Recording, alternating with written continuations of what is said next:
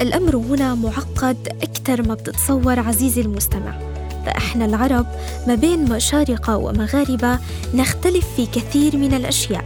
بداية من اللهجة واللغة والقهوة العربية والتاي المغربي وشكل الخبز مرورا بالمطبخ والعادات وصولا إلى الأمور الأكثر تعقيدا وهي اختلاف مذهبية الدين.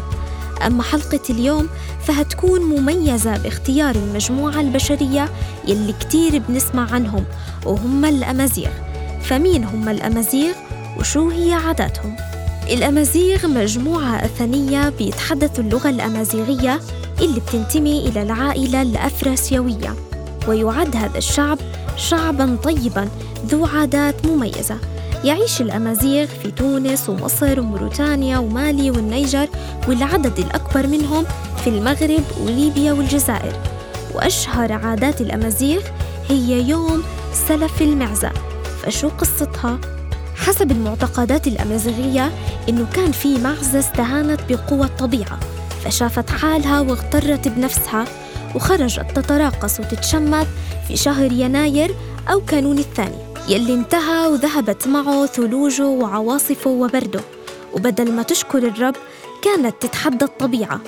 فغضب وعصب شهر يناير وطلب من شهر فبراير أو شباط إنه يعيروا يوم عشان يعاقب المعزة على جحودها وجرأتها وقام بعدها شهر يناير بتهديد المعزة وحكى لها نسلف نهار من عند فورار يلي هو فبراير ونخلي قرونك يلعبوا فيهم الصغار في ساحة الدوار. وقام يناير بإثارة عواصفه وزوابعه وثلوجه يوم 31 لحد ما ماتت المعزة من البرد. ومن هنا إجا التناقض بين عدد أيام يناير 31 وأيام فبراير 28 ولحد يومنا هذا بيستحضر بعض الأمازيغ يوم سلف المعزة وبيعتبروا يومها يوم حيطة وحذر. وبفضلوا عدم خروج للرعي 12 يوم خوف من عاصفة شديدة بتقتل كل المشاة اللي بتخصهم.